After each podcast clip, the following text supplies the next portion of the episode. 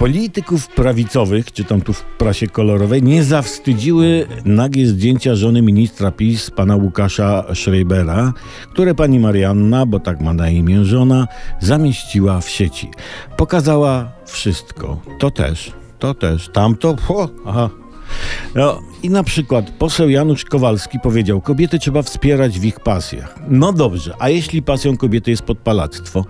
Albo wzięcie w sklepie torebki mąki, tam branie torebki mąki, rozrzucenie tej mąki w górę z okrzykiem hu, ha, hu, ha, pada śnieg, albo ryży krzyczeć chować się grad.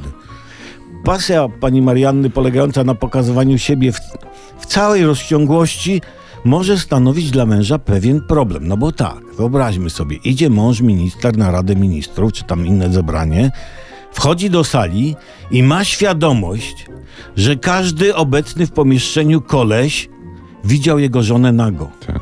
Rozumiecie? Rozgląda się podejrzliwie po twarzach kolegów, szukając znaków, że widzieli. Wie, że widzieli. Wie, tylko czy się zdradzą.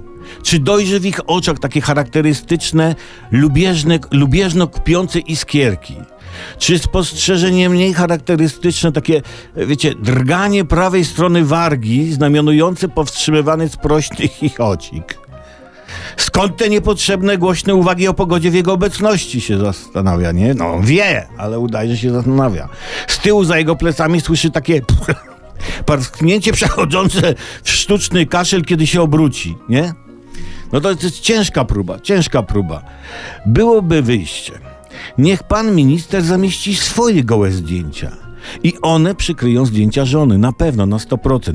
A później wspólnie niech zamieszczą zdjęcia. Może nawet filmy. Pieniądz, sława. No wiecznie nie będzie tkwił w ministerstwie, nie? A żyć trzeba, prawda? Można przecież żyć z życi.